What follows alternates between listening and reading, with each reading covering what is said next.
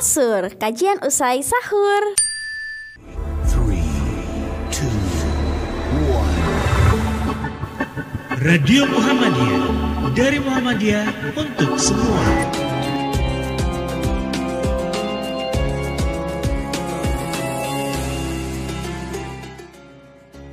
kader-kader politik itu perlu dan akan bermanfaat kalau memang kau digarap. Ya, kalau digarap betul-betul itu bisa diharapkan muncul kader-kader politik Muhammadiyah yang bisa mengisi kegiatan kenegaraan. Cuma kata Mas Izul mungkin kelemahan kita sekarang ini memang kader-kader yang muncul itu seperti ya jadi diri sendiri gitu ya bukan karena or- organisasi kita ini jamiah kita ini yang memang memonitor menyuburkan mengarahkan sehingga jadi kader yang betul-betul apa bisa diandalkan. Saya kira itu mungkin eh, memang betul kata Mas saya kira waktu saya masih muda pun ketika saya masih ya mungkin umur belum 30 barangkali 25-an dengan teman-teman di IMM saya juga dengan Pak Sewi dan lain-lain itu sering matur pada Pak AR, pada Pak Jindar, Pak Daris, Pak Jarnawi bagaimana sesungguhnya kita ini membangun kader yang lebih sistematik. Nah waktu jawabannya memang praktis ya zaman biar ya kader intilan gitu ya. Jadi cuma jadi ada mubalek bisa jadi, ada yang ngintil ke mana-mana, lama-lama ilmunya turun, ya kemudian sudah ada kader baru gitu. Ya saya kira kader intilan itu juga penting, tapi kan very simple gitu ya. Jadi kalau dikindil terus kan juga kadang-kadang risih, ya toh? Jadi apa?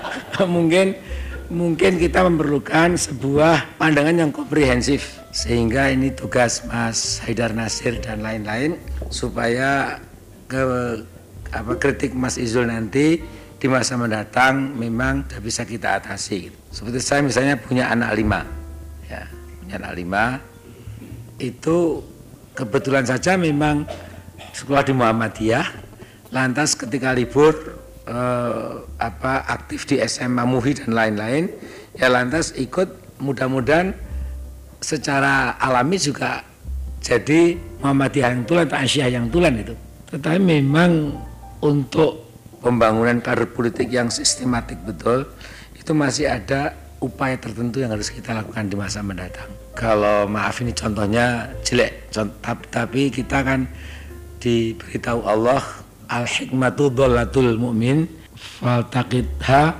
min ayi fi'ain kharajat jadi wisdom kebenaran itu barang hilangnya orang mukmin kita ambil dari mana pun itu datang jadi sekalipun mutiara kalau keluar dari mulut kucing atau anjing ya tetap mutiara nah dulu ya saya melihat memang kaderisasi yang rapih itu adalah gereja sama komunis. Kalau komunis itu dulu kader yang muda namanya pionir, dewasa komsomol. Kalau ketiga ya udah komunis. Nah memang untuk mencari bibit-bibit unggul dalam Muhammadiyah itu sudah masanya tiap-tiap wilayah itu sejak dini sudah kita perhatikan. Jadi si Fulan lulus SMA bagus, sekarang ditampung di sana dulu IPM, sekarang jadi jadi sarjana itu diikuti, dicatat.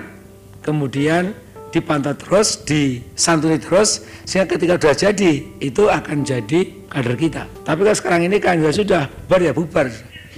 Nah bahwa saya kemudian kembali aktif di Muhammadiyah begitu dari Amerika langsung Pak Safi menunggu lima tahun lagi karena masih mikir-mikir dulu ya itu itu itu menunjukkan bahwa memang harus ada sesuatu yang kita benahi. Jadi samping biru kadernya Mas Haidar dan teman-teman itu terus bekerja, tapi memang harus ada upaya-upaya yang lebih canggih untuk punya mungkin semacam manual book ya tiap-tiap wilayah atau tiap bahkan kota dan kabupaten kader-kader yang memang potensial bibit tunggul itu harus sudah dipantau dan terus disantuni dirangkul sehingga betul-betul komitmennya itu pada Muhammadiyah. Jadi dulu mengapa Daud Yusuf itu menjadi kader CSIS itu sederhana karena yang menyekolahkan CSIS dipantau dikasih apa pulang dikasih fasilitas dan lain-lain jadilah dia musuh Islam yang baik itu ya kemudian sangat komited kepada non muslim ada namanya Daud Yusuf Nah, saya kira untuk Mas Isu, Mas Isu saya kira itu yang penting bagian nanti kita pikirkan lah. Mungkin Muktamar akan memikirkan juga. Kemudian pada Mas Hamsi air yang bersih tentu muncul dari mata air yang mata air yang bersih juga. Bagaimana melihara kader-kader kita yang katakanlah Muhammadiyah supaya tidak terpolusi, terkotori tatkala dia terjun ke kehidupan politik. Ya saya kira caranya kader-kader kita itu supaya menjadi seperti ikan dalam lautan itu. Lautan asin ikannya tawar. Bagaimana caranya? Ya caranya tentu dengan melindungi dia, membangun saksiah dia yang betul-betul Islam, betul-betul beriman, supaya tatkala mendapatkan godaan-godaan keduniaan itu insya Allah bisa menghindari polusi itu. Nah, sekalian ini contoh yang saya sampaikan di depan Pak Syafi dan teman-teman ketika ketika apa pengajian di PP Jakarta. Memang di politik ini godaan wah ini luar biasa. Saya baru tiga hari jadi ketua MPR ada orang nemui saya, Amin, kita sudah check in di lantai yang berbeda. Ada orang ingin ketemu Pak Amin itu. Mau nggak? Oh, mau saja saya. Itu dengan siapa pun saya tidak akan takut ketemu gitu. Ternyata dia ini telah masuk ke kamar, terus ngomong-ngomong macam-macam, mengucapkan selamat, Pak jadi ketua MPR, mudah-mudahan bisa mengemban, pokoknya muluk-muluk itu. Dan kemudian dia keluarkan segebong ya ini 46 Amin ini tidak banyak tapi sumbangan dari kami. Kan Pak Amin ketua MPR mungkin sekarang harus sering pergi dan lain-lain itu. Nah ini maaf Pak nggak banyak Pak. Betul-betul cuma sedikit Pak gitu. Ya. berapa saya bilang? Cuma satu miliar Pak gitu ya. terus untuk apa? Ya ini untuk Bapak itu supaya nanti kita ada hubungan yang terus menerus ini sebagai apa? Tali kasih apa apalah gitu. ya. terus saya pikir uang uang ini sebenarnya besar juga satu miliar itu kemudian seumur umur saya belum pernah pegang cek sebanyak sebanyak itu. Terus begini mas. Terima kasih sekali. Ya, ini saya terima.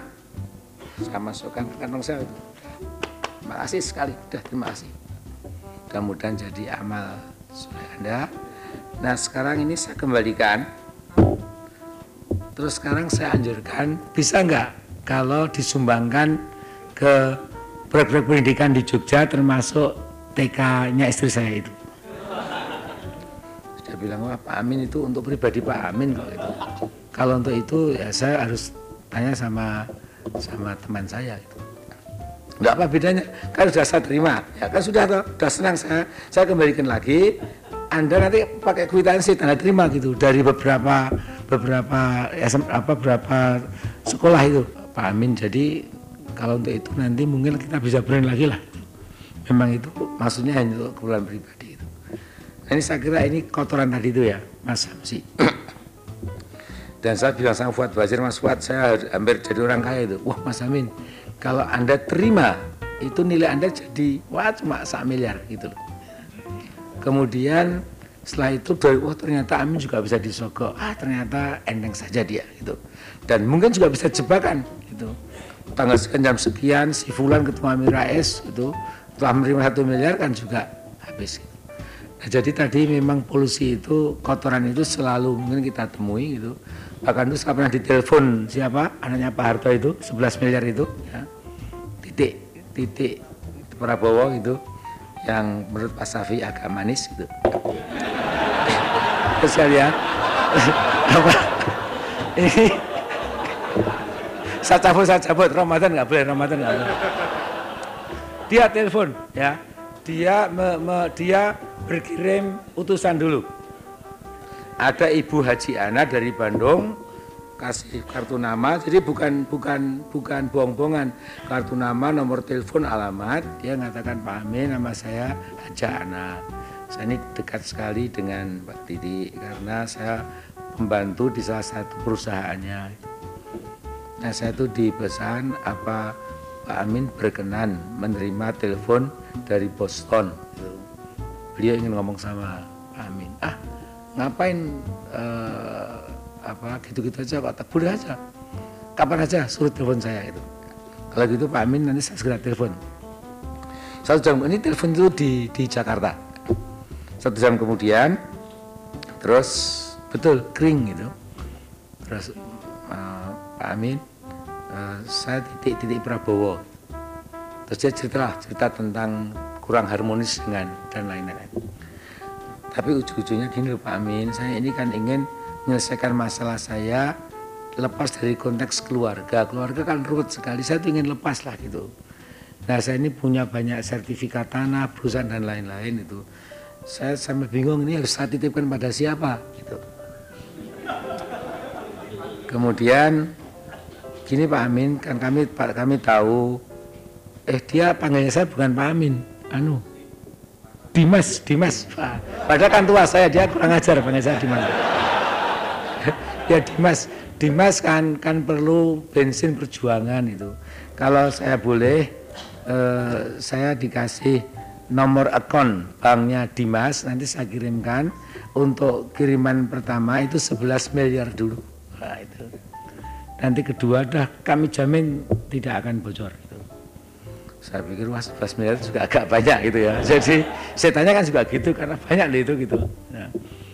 Tapi kemudian saya katakan Mbak Titi soal itu adalah saya sudah oleh Ahmadiyah semua keperluan saya itu dilengkapi.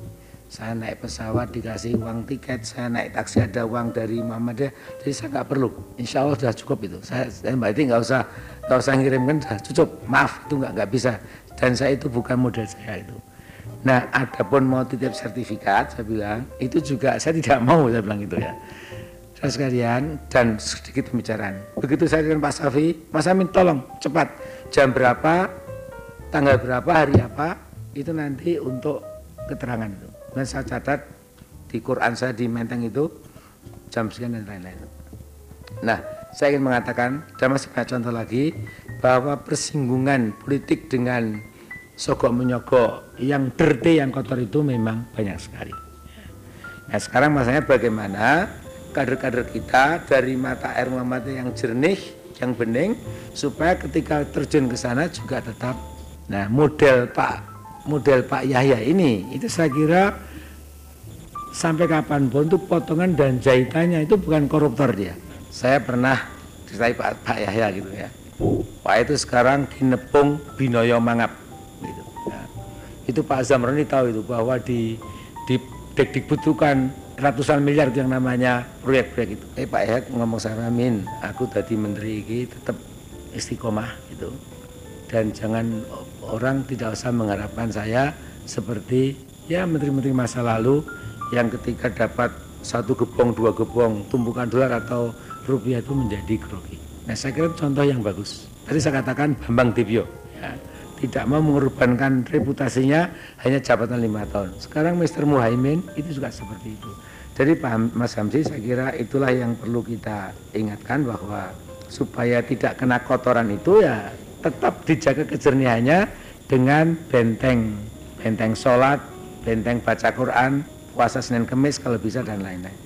Radio Muhammadiyah mengucapkan selamat menunaikan ibadah puasa Ramadan. Selalu dengarkan Radio Muhammadiyah di www.radiomu.id. Radio Muhammadiyah dari Muhammadiyah untuk semua.